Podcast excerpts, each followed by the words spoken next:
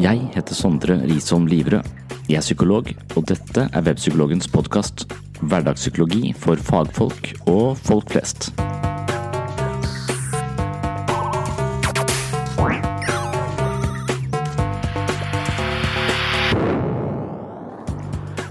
Hei og velkommen til en ny episode av Sinnsyn. De fleste av oss trenger ikke masse penger, en perfekt nese, høy status eller luksusartikler for å leve et godt liv, men et livsprosjekt som er meningsfullt. Uten et meningsfullt prosjekt henfaller mennesket til et ørkesløst liv eller latskap. I den katolske læren er latskap blant de syv dødssyndene. Latskap paralyserer viljen, ødelegger appetitten og fanger oss i en tilstand av generell kjedsomhet. Uten entusiasme vil livskraften ebbe ut og selvfølelsen visne. I dagens episode skal jeg snakke om spill som er verdt å spille. Alle mennesker fyller livet sitt med ulike prosjekter, noe jeg her kaller for spill. Kanskje er det slik at enkelte livsspill gir livet en større dybde enn andre. I denne episoden innleder jeg med et kapittel om livsspill fra boken Jeg, meg selv og selvbildet. Den får du selvfølgelig kjøpt på webpsykologen.no, så det trenger jeg vel egentlig ikke å nevne. Livsspill er ikke som sjakk, men de ligner. Livsspillene går ut på å sammenligne mennesker og deres motiver, baktanker og strategier for å nå bestemte mål. Spillene følger visse regler og utgjør på mange måter vannet i livets elv. Reglene er bestemt av natur, økonomi og kultur, i motsetning til i poker, hvor det er sannsynlighetsberegning som legger føringene. I terapirommet møter jeg mennesker fra alle samfunnslag.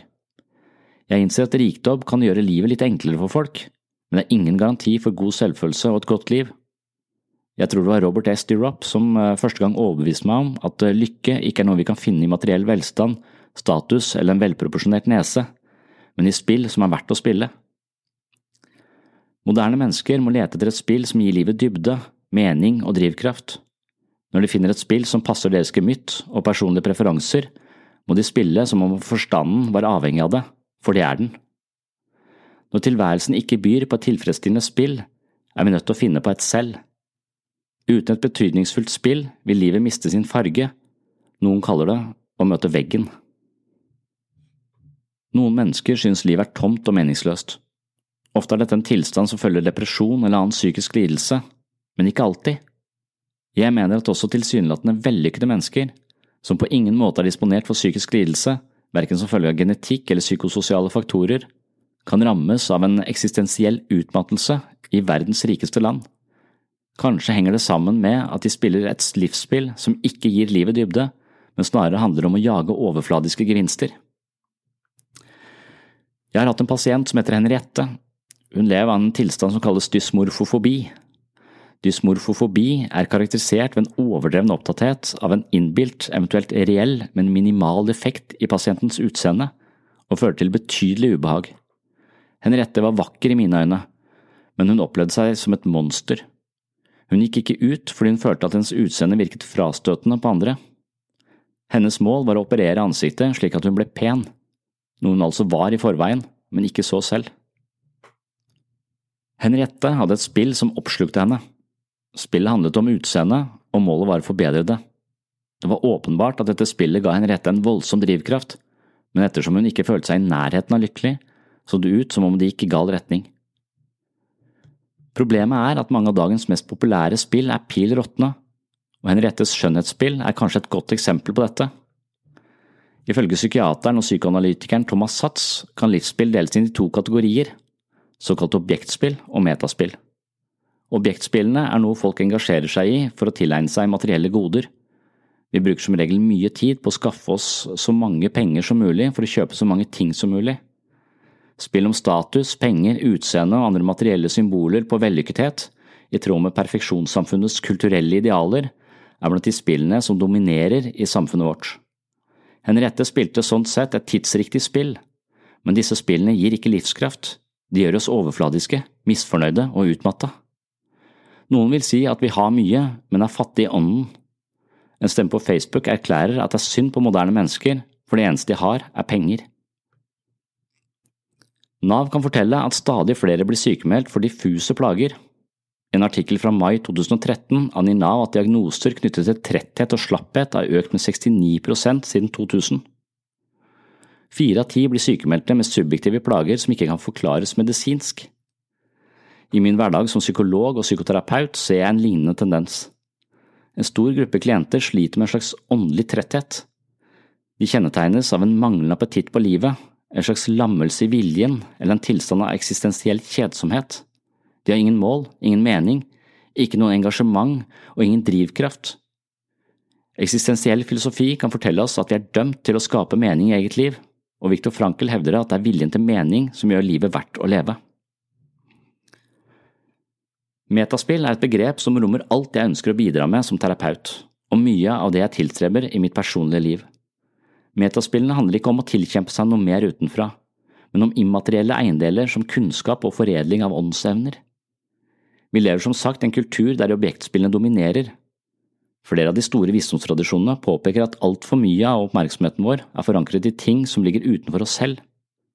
Folk higer etter berømmelse, sosial status, fine neser, store muskler, veltrente birkebein og materielle goder i en rekke aktiviteter eller spill som ofte er patologiske. Mange ender opp med dobbelt så mye penger som før, men våkner likevel opp som tomme og ulykkelige. Jeg var for eksempel redd for at Henriette skulle våkne opp en ny nese, uten penger og fortsatt like ulykkelig. Sosiale medier og andre kanaler gjør det mulig å bli sett og hørt, og mange pynter på profilen sin eller staser seg opp for sitt publikum, men ender opp som en skygge eller en skuespiller i eget liv, en skuespiller som har glemt sin egen identitet. Deropp mener at moderne mennesker hypnotiseres av glitrende eiendeler, men har lite kontakt med sitt indre liv. New Age-bevegelser forsøker å fòre mennesker med åndelig føde, men det er et marked preget av mye guruvirksomhet og nye varianter av korrupte spilleregler. Engler, yoga, tarotkort og krystaller preger den flotte innpakningen, men under den tiltalende overflaten skjuler det seg ofte noen korrupte spilleregler. Synske, spirituelle healere og ulike medier tjener godt, og mange trenger ikke være klarsynte for å starte en slik bedrift. Det eneste man trenger, er viljen til å lure folk. Det finnes selvfølgelig også seriøse aktører, med et kulturelt klima hvor alt er like mye verdt og ingenting er bedre enn noe annet, er vi programforplikta til å respektere hverandre uansett hva slags engler vi måtte tro på. Det gir rom for utrolig mange halvreligiøse selvutviklingsvarianter som vi har begynt å kalle for New Age eller alternativet. Markedet er enormt, og kanskje illustrerer det vårt behov for åndelig påfyll, eller det jeg her kaller metaspill, i en sekulær verden. Når vi holder fast ved et bilde av oss selv som ligger langt unna vårt sanne ansikt, spiller vi et vanskelig og mentalt krevende spill der vi stadig utsetter oss selv for tap av selvtillit og selvrespekt, utmattelse og minuspoeng i livets forestillinger. Det å være i stand til å gi slipp på det perfekte selvbildet, idealene om velstand og jakten på overfladiske gevinster, er å gjenvinne seg selv og alt det verdifulle som følger med. For å klare dette er vi nødt til å se innover. Vi må undersøke vårt indre landskap. Vi må spille et metaspill Metaspill blir en viktig motvekt til egots utrettelige jakt på noe mer for å bli hel. Spørsmålet er hvordan vi finner spennende metaspill som passer våre preferanser. Man kan ha alle forutsetninger for et godt liv, men likevel oppleve livet som grått og meningsløst. Hva gjør man når man er vellykka, men ulykkelig? Kanskje er det en viktig komponent som mangler? Religion, vitenskap og kunst er de vanligste metaspillene som er tilgjengelige. Kunst dreier seg om estetikk og et uttrykk for indre fornemmelser som ikke lar seg fange i språket. Kunsten er viktig for menneskers sjelsliv, men av og til blir den ødelagt av kommersielle krefter eller spilt på vegne av kunstnerens forfengelighet og behov for applaus. Vitenskap er et eh, metaspill som har blitt så komplekst, stort og dyrt at det altfor ofte dikteres av store selskaper med egeninteresser og økonomiske muskler. Det genuine målet om å fremskaffe ny kunnskap drukner ofte i kommersialisme. De religiøse metaspillene handler grovt sett om frelse. Her er det mange muligheter, men dessverre er også flere av de religiøse metaspillene ødelagt av presteskap som har funnet opp ulike guddommer og plassert seg selv som bindeleddet mellom mennesket og sin variant av det allmektige. Likevel er noen av de mest verdifulle metaspillene forankret i religion. Her er det menneskets spirituelle og åndelige sider som kultiveres, men i Norge, som et av verdens minst troende land, er det sannsynligvis få som spiller dette spillet for å våkne til en høyere form for bevissthet eller oppdage nye rom i sitt indre liv. Robert Estirop mente at vi lever i en tid og et samfunn som mangler meningsfulle metaspill. Han skrev om dette i 1960-årene, og jeg tror ikke han ville sett så mye lysere på tingenes tilstand i dag. Kanskje er det slik at mangel på metaspill er en del av årsaken til at mennesket havarerer, selv om de lever i et rikt land med masse velferdsgoder. I Norge finnes det åpenbart en stor gruppe vellykkede mennesker, og da vellykkede i hermetegn, som har nådd sine mål. De har barn, hus, bil, karriere og god inntekt. Mange av dem har begynt å trene ganske hardt for å løpe stadig fortere i neste maraton eller triatlon for de som tar det enda lenger. De er ikke på Nav, de er ikke usikre på seg selv, og de har massevis av erfaring når det gjelder å mestre livet og vinne sine kamper. De burde vært lykkelige, og mange av dem er selvfølgelig det, men noen av dem er rammet av en slags likegyldighet. De opplever ikke noen glede ved å oppnå suksess, men setter seg stadig nye mål i håp om at neste seier skal gi livet en ny glans. Men gleden uteblir.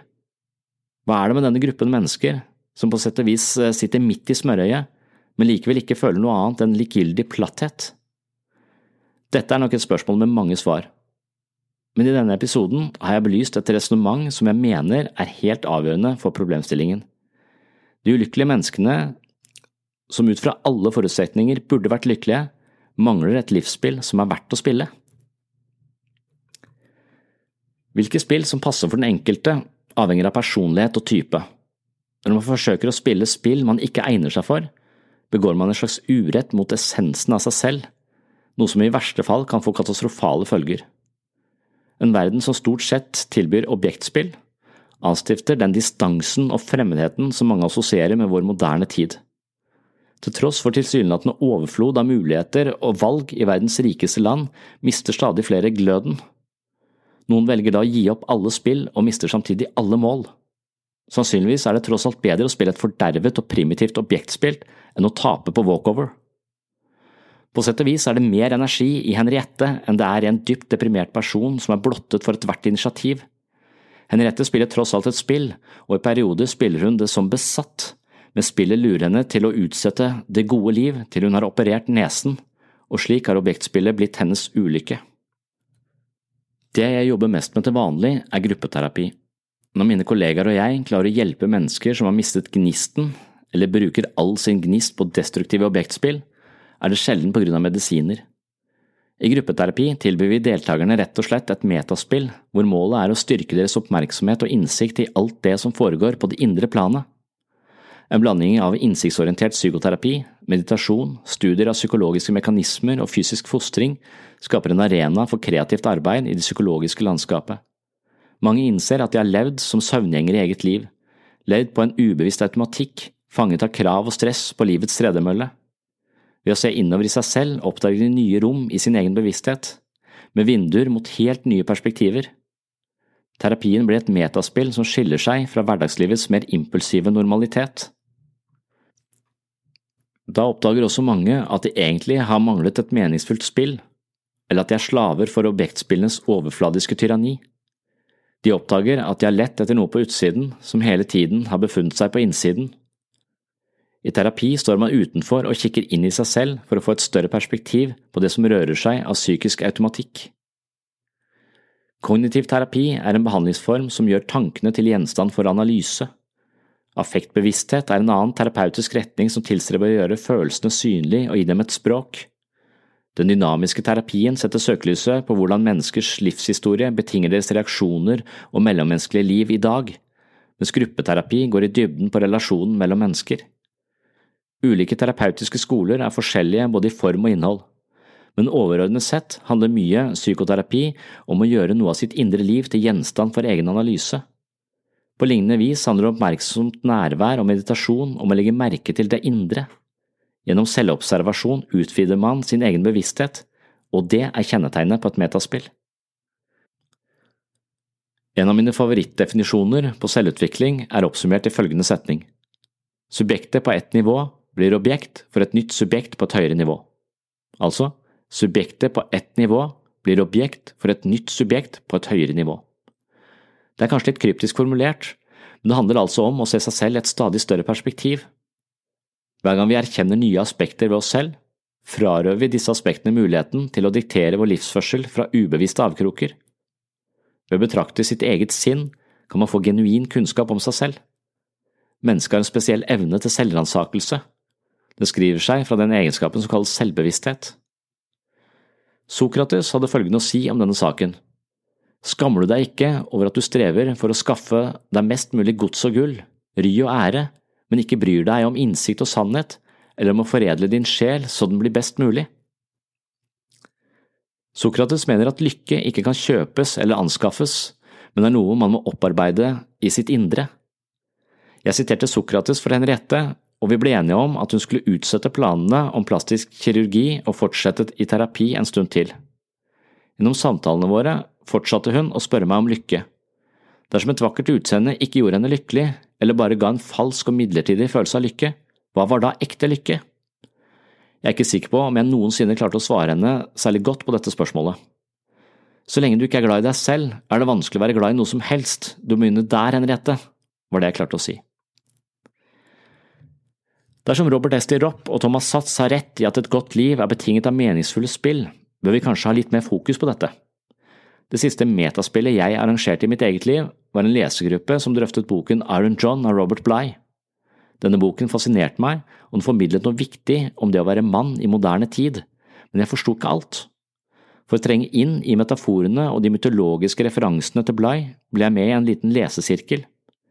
Her traff jeg mennesker med samme interesse, i fellesskap kunne vi utlede bokens budskap, og jeg opplevde at mange ting falt på plass når det gjaldt min egen rolle som mann, villmann, pappa, sønn og kjæreste. Jeg kjenner flere kvinner som har gjort det samme med Women Who Run With The Wolves, Myth and Stories og The Wild Woman Archetype av Clarissa Pincola Estes. Mange bøker kan hjelpe oss å lodde dybden i oss selv, og jeg mener at det er ett av mange eksempler på metaspill. Hvilke metaspill som vitaliserer oss, er forskjellig fra person til person. Lesesirkelen rundt Iron John er et eksempel på et spill som fungerte godt for meg. Jeg vil utfordre deg som hører på til å tenke litt over ditt eget liv. Hvilke aktiviteter gir deg påfyll, virker vitaliserende, utvikler og utfordrer deg, stimulerer din nysgjerrighet eller kreativitet? Kanskje du kan lage en liste over aktiviteter som du mener kan fungere som metaspill for deg? Er det noe du allerede gjør, noe du kunne tenke deg å gjøre mer av, eller noe du kunne tenke deg å starte med. Hvis du har gode forslag eller innspill, så del de gjerne i kommentarfeltet på Webpsykologen under denne podkasten. Nå skal du få høre en samtale jeg hadde med et knippe dyktige fagfolk ved Sia helse ved Universitetet i Kristiansand. Temaet varierer litt, men mye handler altså om metaspill.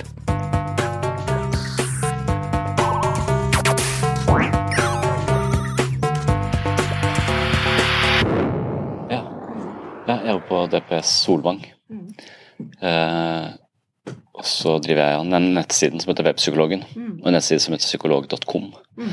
Så jeg har skrevet to uh, bøker om uh, selvfølelse på natta uh, med venstre hånd. Så de er ikke spesielt sånn Ja, så har de blitt litt bedre etter hvert, som folk har hjulpet meg litt, men Og nå for tiden så skriver jeg om, om religion, så det er det som opptar meg nå eller jeg er opptatt av ulike måter, opptatt av perspektiver på de store spørsmålene fra forskjellige ståsteder. Og så har jeg vært veldig lite religiøs selv, eh, så da har det vært en stor utfordring for meg å prøve å se verden fra et helt annet eh, perspektiv. Så debatterer jeg meg selv, fra ateisten meg til den mer troende varianten av meg, da. Som ikke er sånn veldig troende foreløpig, men det er en måte å møte de store spørsmålene på. Det liksom ligger egentlig bak alt jeg har, uh, har gjort. Jeg er veldig opptatt av teori, men jeg er veldig opptatt av at teori skal være anvendelig på en måte i hverdagen. Så en del av dette med å skrive disse bøkene om selvfølelse, det handler egentlig Prosjektet var å lese de 100 mest solgte psykologibøkene. Uh, og da forholde seg litt slavisk til det. Så jeg leste, jeg leste de 100 mest solgte uh, psykologi, ja, for, da tenkte jeg at de har De inneholder eller det er noe folk har likt ved disse bøkene, siden de er så mye. Så, så jeg leste veldig masse bra bøker. Jeg leste liksom Viktor Frankel, og, og så, men så leste jeg også Dr. Phil. Life Strategies. Eh, så, så, det er veldig mange eh, ting som ligger på denne topp 100-lista. 100 og så er selvfølelsen psykologi, de to bøkene, egentlig en slags Jeg prøvde å ta ut de viktigste ideene. Og så, og så, prøvde jeg også, skriver jeg de kort eh, i, på Webpsykologen, som er den nettsida. Og så har jeg også samla opp eh, øvelser som vi kan på en måte gjøre for å få bedre selvfølelse, som da jeg har prøvd å implementere i den boka. I kraft at jeg Veldig, veldig fint. Mm.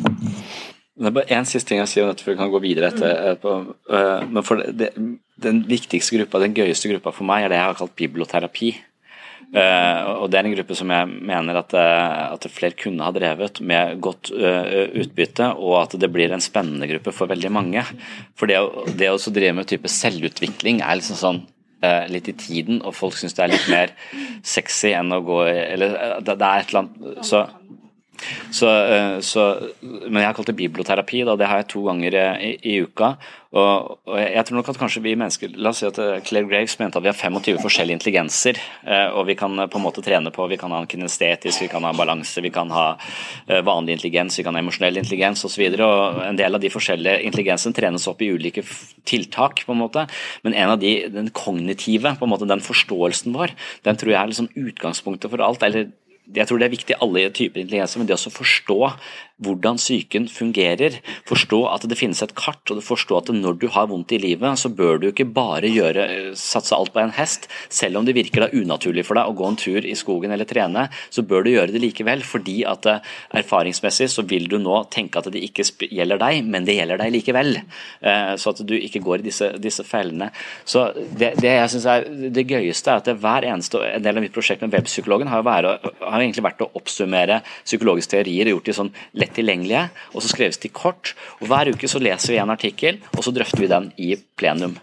Og Det blir da en, på en måte en, en, en gruppe som er mer som en slags kollokviegruppe. Eh, eh, men nå betyr jo kollokviegruppe, da, så blir det gruppegruppe.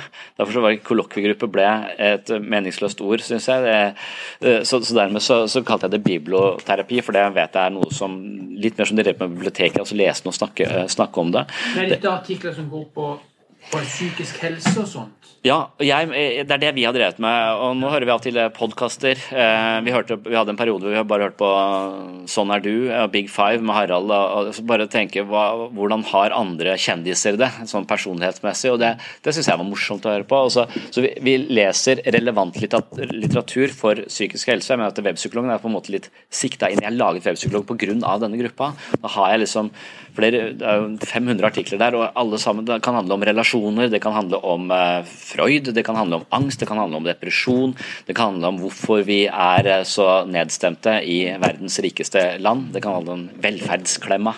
Uh, mange, mange, sånne ting. altså Vi kan reflektere over det, og hvis du får en sånn gruppe med tre-fire stykker med relativt høyt mentaliseringsevne, så vil de lage taket, og så vil de andre løftes.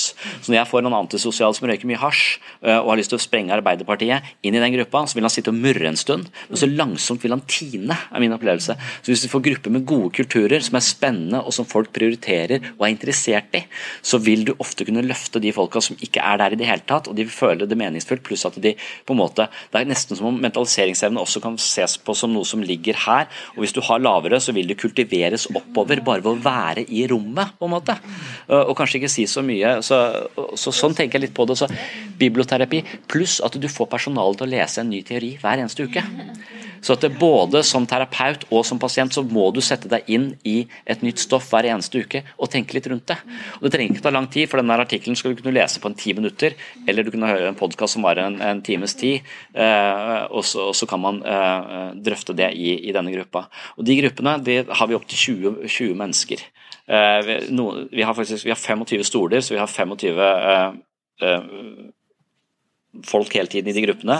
Og jeg ønsker at de skal være slow open. Det er også en sånn, uh, sånn vesentlig poeng for meg. Hver eneste tirsdag sitter jeg i det rommet, uansett vær og vind. på en måte. uansett om det er i starten her kommer det kanskje veldig få, men etter hvert så blir de fulle. Og da sitter jeg der hver så du skal, og kravet for å være med der er at du har en behandler i, i systemet. For Jeg kan ikke kjenne alle de, disse gruppene. Uh, så det er bare på en måte, og det er min måte å løse det problemet på at jeg var overarbeida. Når jeg satt i poliklinikken og hadde bare mine pasienter, så fikk jeg nye pasienter hele tiden, men klarte ikke å avslutte raskt nok. Og Da jeg fikk nye pasienter, så sa jeg at vet du hva, jeg har ikke tid til å møte deg uh, sånn ukentlig eller hver 14. Jeg har egentlig bare tid til å møte deg én gang. Jeg tror vi kan møtes ti ganger til sammen, ut ifra den uh, sånn jeg kjenner deg nå. Men du kan møte meg tre ganger i uka, fordi jeg trener, jeg er i biblioterapi og jeg mediterer. Og de tre tingene skal jeg forklare, de kan du få ganske mye ut av. Så i prinsippet så møter jeg denne pasienten fire ganger i uka. Eh, nei, tre ganger i uka pluss én gang individuelt eh, en gang i måneden. Og de opplever å få mye. Uh, og jeg, uh, jeg, opplever å ha mindre dårlig samvittighet for at jeg ikke gir folk nok. på en måte. Så jeg, jeg følte at jeg har sånne beiter med, med meningsfulle arenaer hvor jeg elsker å være selv, for jeg er en del av det prosjektet. Der er jeg likestilt. Jeg er en idiot som trenger å forandre meg uh, på en hel haug av områder. Jeg trenger mer tålmodighet, jeg trenger masse sånne ting. Og det er akkurat de tingene vi snakker om. Hvor, hvorfor oppfører vi oss utålmodig og, og irritable overfor barn når vi vet at det er antipedagogisk? Hva, hvordan kan vi forstå dette? Hva kan vi gjøre for å endre det? Gjerne med øvelser som man kan gjøre fra gang til gang. sånn at man kan, Det er, sånn, det er derfor jeg har skrevet selvfølelsespsykologi og den andre boka. De er basert på korte, eh, lettfattelige ting om psykisk helse og noen øvelser vi kan gjøre. For noen øvelser er veldig verdifulle, noen andre fungerer ikke så bra. så, så vil man på en måte, Men man kan se det på det som en slags mini-psykologistudie. Hvor jeg ikke tror man trenger så innmari mye kunnskap fra før, men man kan bare være en del av gruppa som ønsker forandring. Og Da kan du få en ganske sånn kollektiv god gruppe. Det er, et, eh, det er letta min arbeidsdag. Jeg skjønner ikke hvorfor ikke flere eh, gjør det. Så jeg vet ikke hvor man skal egentlig gå herfra. kan gå hvor som. Det at jeg har skrevet om selvfølelse, handler egentlig bare om at det er en rubrikk som jeg kan si hva som helst under. på en måte. Eh, så du kan ta en hvilken som helst teori og på en måte gjøre den. Så målet mitt har hele tiden bare vært å gjort teori tilgjengelig. Men dere, har liksom snakket også om noe om uh, hvorfor folk er mer nedfor i dag. Mm. eller, uh, og, og, sånne ting. Og det er det sikkert en milliard forskjellige uh, forklaringer på. Men én sånn ting som, som jeg har tenkt i den forbindelse, og, som også er en del av selvfølelseboka, er en, slags distinksjon mellom det som en som heter Thomas Satz kaller objektspill og metaspill. og han sier at det dette er en bok fra 60-tallet, eller eh, 70-tallet, så, det er en gammel bok, men jeg tror det gjelder, det er like relevant i dag. Han sier at vi, vi er en slags kultur som uh, har veldig mange tilgjengelige objektspill. Objektspill, uh, det kaller han egentlig Det handler om å tjene mest mulig penger for å kjøpe seg flest mulig ting, eller få flest mulig likes, eller ha flest mulig karakterer. Altså Et objektspill handler om å ja, det, Man kan egentlig bare si det er et litt overfladisk spill, da. og det gir livet mindre dybde. Uh, og, og, for at et menneske skal på en måte trives, og det mer åndelige dimensjonen ved det, kan man si, så, så, så mener jeg at det, alle mennesker er nødt til da å, å finne et metaspill som er uh, verdt å spille, uh, som gir livet noe annet enn disse objektspillene. Og da tenkte jeg at Nav har også presentert noen statistikker for noen år siden hvor de sier at det, 69% av alle sykemeldinger handler om at menneske, eller, eller 69% av alle mennesker er sykemeldt pga. diffuse årsaker. De har ikke lenger noen sånn helt klar medisinsk grunn. Men det kan nesten virke som det er sånn åndelig fattige, nærmest. da. Eh, og, og ifølge Thomas Satz så sier at for et menneske så er det helt avgjørende at de finner et spill som de syns er verdt å spille, fordi forstanden din er på en måte avhengig av det. Og Da kan man også tenke seg at det er bedre å spille et forderva objektspill enn å ikke spille noe spill i det hele tatt. Så jeg møter mange mennesker som eh, Spiseforstyrrelse er jo et spill. Du kan spille, ikke sant? du kan om å gjøre å bli tynn tynnest mulig. Det gir livet en retning, et innhold, en, en mening. Eh, det er bare en destruktiv måte. Det er, det er, ikke et spill som sannsynligvis gir deg så mye berikelse eh, i livet. Og så sier han at det, det, er ikke sikkert at samfunnet vårt på en måte eh, tilbyr de spillene vi trenger for å leve godt, men da er vi nødt til å skape vårt eget spill. For Det verste vi gjør, det er å på en måte legge oss ned og slutte å spille noe som helst. Og Det er der han kanskje kommer inn på den litt mer sånn åndelige fattige, de som er sånn har energi, sånn ME, eller de, de, er slitne og de er uh, trøtte og det er mangel på energi. Det er, det er sånne, disse, En del av disse symptomene er i det sjiktet der. da. En sånn, sånn tretthet uh, i sjelen, kan man nesten, uh, nesten, si. Og Da har det vært noe med Thomas Sass mener at, og som heter Robert T. Ropp, mener at tradisjonelt sett så er de metaspillene vi har hatt, det er religion, og så er det vitenskap og kunst. Og så argumenterer han i noen bøker for at alle disse spillene har blitt litt korrupte. Religion er litt korrupt fordi at det ofte kan det handle om å be mest mulig for å komme lengst mulig. Og kunst er korrupt fordi at det er for mye økonomiske krefter i det. Det samme med vitenskap. at vi er ikke noe vi driver ikke vitenskap fordi vi er nysgjerrig på hvordan ting henger sammen. Vi driver vitenskap fordi det er finansiert av en eller annen som har interesse av å finne ut noe bestemt. Så han mener at de spillene som tradisjonelt sett har vært metaspill, som, som man også som personlig handler om å kultivere sitt indre liv, en, en åndelig dimensjon, kan man si, uten at man trenger å være religiøs for å gjøre det. da. Men når jeg skriver om religion, og har vært opptatt av religion, så har jeg tenkt at når jeg er i bibelgrupper, eh, som jeg har vært en del av mitt prosjekt av de siste fem åra, eh, så, så, så jeg tenkte dette er et slags metaspill. Her snakker man om en dybde som man ikke finner i andre arenaer. Da kan det være at mennesker eh, i dag lever i et såpass sekulært samfunn, og vi kasta Gud ut med badevannet eh, på en måte, og det er selv om ikke nødvendigvis er på Sørlandet, men sånn generelt sett i Skandinavia så er vi jo veldig sekulariserte. Vi, så vi, vi, vi, mister kanskje et eller annet. da. Eh, vi mister kanskje en eller annen dybde, eh, dybde der. Og, og, da, eh, for å, for å måte stange opp om den eh, åndelige fattigdommen, så kan det være at folk er nødt til å finne seg et eller annet metaspill. Og når jeg har tenkt i de baner, så har jeg tenkt at det jeg nevnte i stad, altså dette med biblioterapi, jeg opplever det som et metaspill.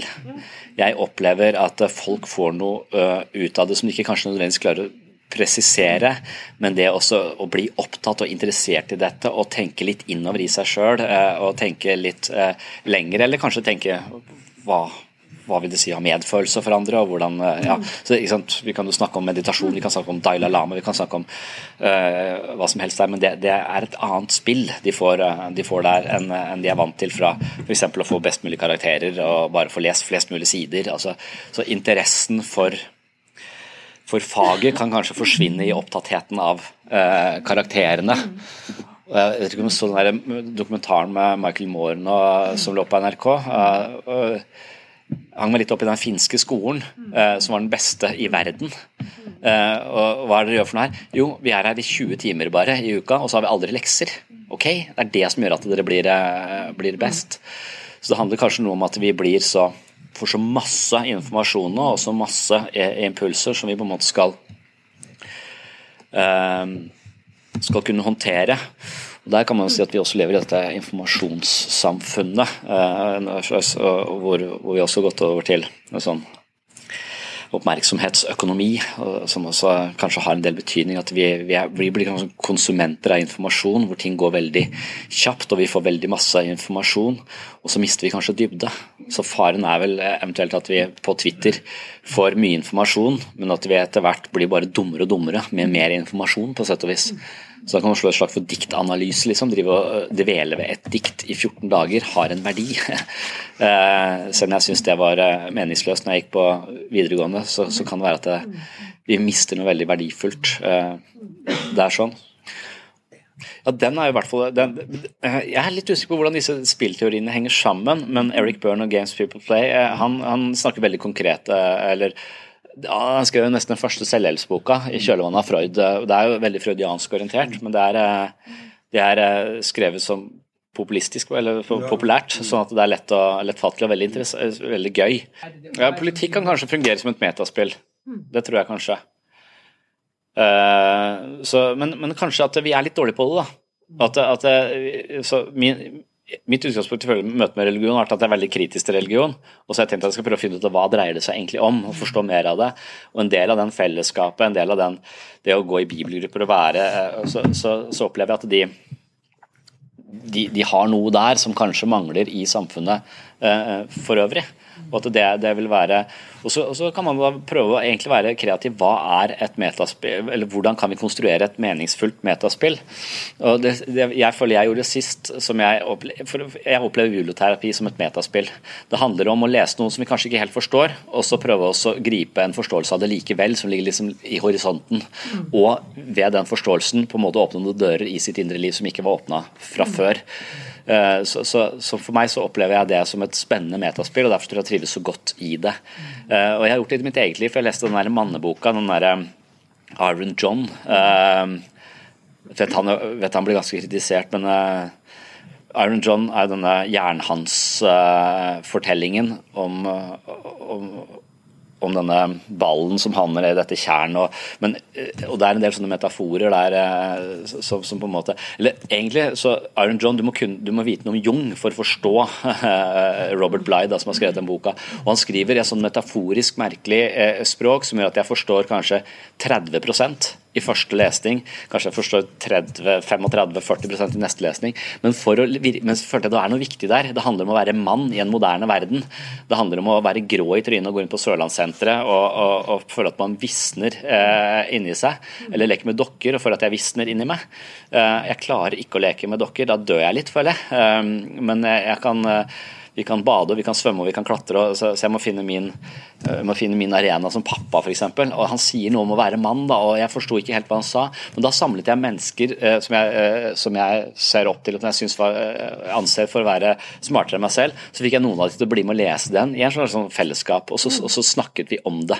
Det handlet om å gripe noe som var litt utenfor min horisont. Um, horisont der, der, og da. Uh, og Det er også en sånn tematikk som vi har hatt inn i disse biblioterapigruppene. Vi har brukt, ofte brukt Iron John, tror jeg, for jeg tror det er der den metaforen er, hvor, uh, hvor han sier at, det, at, alle mennesker har et tjern inni seg.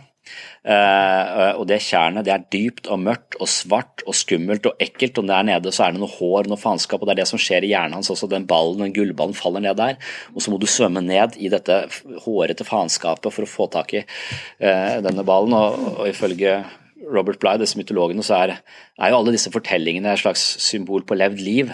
En slags, uh, er, en slags følgesvenn i livet. Så uten disse mytologiene så har vi ikke noe å lene oss til. Mens en fugl har alt det trenger for å overleve, koda inn i, i, i, reflekser i hjernen, i DNA-et, på en måte. Så har mennesket ikke det. Vi, vi har fortellinger.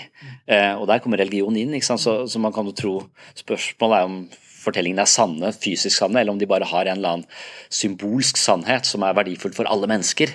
på en måte, og Når vi da kaster de store fortellingene ut, også at vi lever en tid uten de store fortellingene, så er det igjen kanskje noe vi mangler, eh, mangler der sånn. Og denne fortellingen om hjernen hans som, hvor denne ballen forsvinner ned der, så, så, sier han at alle mennesker har dette tjernet inni seg. Eh, og de fleste av oss prøver å bruke et helt liv på å unngå dette, eh, dette kjernet. Vi, vi, fordi vi syns det er ekkelt og skummelt, så går vi så langt utenfor vi kan. Men på et eller annet tidspunkt så kommer du til å komme så nærme det kjernet, og da kommer det han opp og trekker deg ned i dette, dette dypet. Og Det er en sånn ganske sånn kraftig metafor på depresjonen, egentlig. For når du faller uti det kjernet, så kan du ikke svømme. Så alle mennesker er nødt til å på en måte med viten og vilje gå bort til dette tjernet, stupe, stupe uti det, svømme ned møte dette faenskapet, for så å svømme opp andre siden og gå videre. Og Det er på en måte det vi, det vi må som mennesker. Vi må møte smerten. Da. Vi må møte vårt ubevisste liv, eh, kan man si. Men vi må tåle å forstå følelsene våre, eh, egentlig, istedenfor å unngå alle de vanskelige følelsene. For på et eller annet tidspunkt så tryner vi da. Eh, og Det er en sånn, sånn, det er en sånn veldig metaforisk innfallsvinkel, noe som jeg også skriver om. det. For, for, noen mennesker tenner på disse metaforiske måtene å forstå livet på. Og jeg er til dels en av de som liker den måten å tenke på, litt sånn jungiansk-aktig. Og så er det også kapitler som er helt annerledes anlagt, som bare snakker rent kognitiv om hvordan psyken fungerer. Og så er det veldig mange som plukker opp det som også Men hvis du da har en gruppe som hele tiden går fra det ene til det andre, så kan vi liksom veksle litt mellom disse ideene om hvordan utvikler vi, utvikler vi oss. Og, og, fra dette dype tjernet eh, med ubevisste eh, impulser og, og, og, drit og møkk, så, så, kan man også gå over til å snakke om menneskets forsvarsmekanismer, og som også er en vesentlig del av selvfølelsens psykologi. Det er hvordan vi forholder oss til følelsene våre, rett og slett. Og at eh, alle mennesker har et psykisk forsvar som rett og slett beskytter oss mot følelser som ligger over terskelverdien fordi vi orker eller makter å ta inn over oss. Og Mange følelser er så sterke at vi trenger et forsvar som holder dem på avstand. Men det kan også være at vi lever i en tid, en tidsånd, eh, som på en måte er vant til at ting skal gå litt på skinner, eller vi har en idé om at eh, livet skal være minst mulig motstand. Eh, det som kalles servicebarna, eller eller nullvisjonssamfunnet, eller et eller annet som Per Fugli eh, eh, kalte det. Eh, men at det rett og slett er i møte med motstanden at vi vokser, og vi er nødt til å møte denne, denne, motstanden. Og Da kan det være at en del vanskelige følelser det gidder vi ikke å møte, rett og slett bare for at det er litt mer beleilig der og da, eh, istedenfor å faktisk eh, tenke at man av og til må gå der det gjør mest vondt, eller der det er vanskeligst.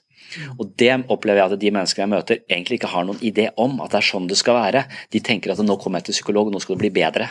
Herfra og videre.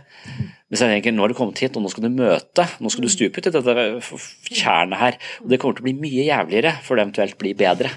Det er jo en sånn slags idé man har om selvutvikling. at det, Hvis det bare blir føles komfortabelt og bedre og bedre, så har du sannsynligvis møtt en eller annen coach på speed eh, eh, som bare snakker deg opp etter eh, Bare heier deg fram på en måte uten å egentlig skape noe mer dybde, men bare kanskje er litt behagelig der og da.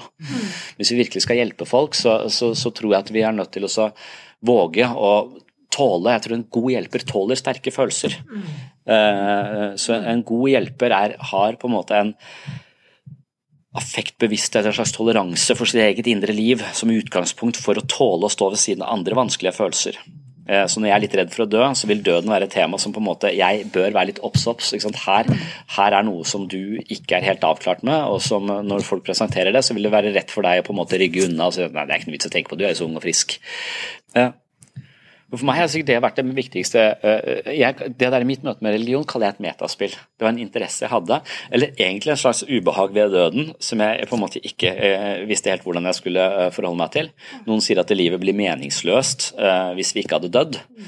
Eh, jeg vet ikke helt om jeg kan eh, Hvis du ser for deg et liv som går inn i evigheten, så vil dette livet være meningsløst. Men hvis vi forkorter det, så blir det veldig meningsfullt. Jeg er ikke helt sikker på om jeg, er, om jeg, om jeg kjøper den ideen her. Jeg kan godt se at, det, at jeg hadde utsatt å male huset noen hundre år hvis jeg skulle leve evig. Så at jeg kanskje hadde blitt en sånn prokrastinering hadde blitt et problem. Eh, for meg. Men det også da, på en måte, hvordan møter du døden egentlig? Var en terapeut da, en kollega av meg som tok meg med på kirkegården. liksom, Det, det hjalp ikke. Det er ikke den døden jeg er redd for. Jeg er ikke redd for å dø nå eller i morgen. Jeg er bare redd for selve konseptet. Og det eneste stedet de snakka om det, var i bibelgrupper. Selv om de hadde en eller annen sånn um, forklaring på hva som skjer da, da som jeg ikke helt uh, er nødvendigvis enig i enig i, så, så, var det en måte å nærme seg eh, døden eh, på. Det er en del eksistensielle terapeuter som mener at eh, sånn som Jalom, det er friheten, det er eh, meningsløsheten og det er eh, døden på en måte som ligger til grunn for nesten alle eh, problemene våre. Det sier mye om den østlige visdomstradisjonen også, at det, er, det som vi sliter med, er et ego som på en måte ikke har forsonet seg med sin egen dødelighet, og som hele tiden driver og jobber med karriere og kjøper seg nye ting for å på en måte galoppere videre for å unngå denne erkjennelsen av at de skal dø. Ja, ja, det, jeg mener det er, ja, jeg mener at det er grunn for meg til å være redd for å dø, men ikke hvis du tror du kommer til himmelen. Da er du ikke så stress, tenker jeg.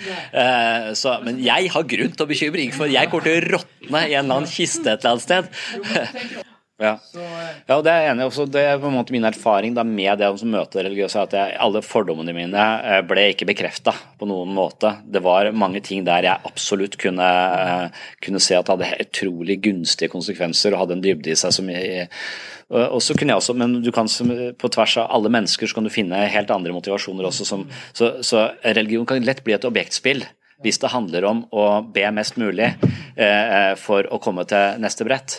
Og det er også Harari sitt poeng, da, og, og, som jeg tenkte faktisk når jeg jobba med barne og ungdom eh, i, i ABUP, så var det veldig ofte du reiser hjem til fortvilte foreldre hvor de har en eller annen sønn som sitter eh, har på en måte slutta å leve, men har begynt å leve i en annen virtuell verden, hvor han har lagd en eller annen karakter eh, som han har kommet veldig langt med. Men han, har, har ikke, han lever ikke i denne verden lenger, han har på en måte bare forsvunnet inn i dataen datamaskinen. Og, det, og, og Harari beskriver det som en sånn eh, at når, når Gud dør, eller når religion dør, eh, så, så, finner vi alternative spill, eller eh, metaspill, og dataspill er et sånt spill. Og dataspill ligner religion, ifølge Harari. Han, han sier at det, dette i, data, eh, I disse dataspillene så bygger du karakteren din. Eh, du samler på ting, du får ting, du gjør ting, og du får på en måte poeng for dette. Også når du kommer til, slutten av spillet, så, får du vite om du kommer til neste brett eller ikke. på en måte. Og Det ligner det samme som religion. altså Vi kultiverer vår egen karakter. Vi gir til andre, vi ber for andre. Det gir plusspoeng. Og så er vi utro, får vi noen minuspoeng. Og så ser vi an når vi kommer til veis ende, om vi på en måte hvilket brett vi da kommer til, avhengig av hvor mange poeng vi har. Det vil være å se på religion kanskje litt som et, eh, et, objektspill, for det kan i verste fall bli et objektspill som handler om å komme til neste brett, men vel så mange bruker det som et mye mer et metaspill, tenker jeg, hvor du faktisk kultiverer din egen karakter i livet. Og det å tenke på andre enn seg selv, det er også et eget kapittel her, også det medfølelse. Det å ikke bare være orientert med meg og mitt og mine poeng eh, og mine likes, men rett og slett for at det er et ego i underskudd som hele tiden trenger noe fra omgivelsene for å bli hel. Men hva med å jobbe helt i andre enden, selv om vi alle er i underskudd? vi trenger trenger oppmerksomhet og anerkjennelse fra folk. Men hva med å jobbe helt i andre enden, med å på en måte bevisst gå inn for å gjøre noe for andre. Mm. Uh, og tenke på andre. Og jeg opplever at Når jeg har vært i disse menighetene, så ber de for andre. og De har satt inn i system, de gjør det ukentlig hele tiden og tenker på noen andre seg sjøl. Og det tror jeg er ganske, uh, ganske sunt, også for selvfølelsen uh, din. For jeg tror at Mye av det som ødelegger selvfølelsen din, er et ego i underskudd, som hele tiden tilkjemper seg noe med litt spisse albuer for å føle seg hel. Det er et avhengighetsmodus. da. Om du da trenger andre mennesker, eller om du trenger narkotika, eller hva du trenger for å føle deg hel, så er det likevel et sånn spill som ego hele tiden lurer deg inn i og lover deg fryd og gammen hver gang bare du får det, eller bare du får det, så skal det bli bra. Så går du egentlig glipp av hele, uh, hele livet. Så, så jeg, jeg, ser mange, men jeg syns det er interessant det poenget til Harari også, at folk på en måte når, Hvis det stemmer at vi mangler meningsfulle livsspill, og religion var det, for da bygde vi karakter i livet sammen med andre. Vi hjalp andre mennesker. Og at vi har tatt hele dette prosjektet inn på skjermen. Eh, så kan man jo se for seg at da lever folk eh, eh, det, ja, det virker litt meningsløst for meg, da.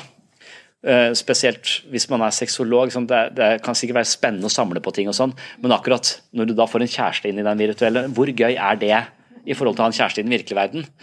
Kanskje det blir så gøy at vi ikke trenger kjæreste i den virkelige verden snart, så vi bare kan ta på oss en hjelm, og så, og så, og, så trenger vi ikke hverandre lenger. Men det tror, jeg liksom er en ganske sånn uh, forferdelig scenario man kan se for å ha en del bivirkninger vi ikke nødvendigvis vet om.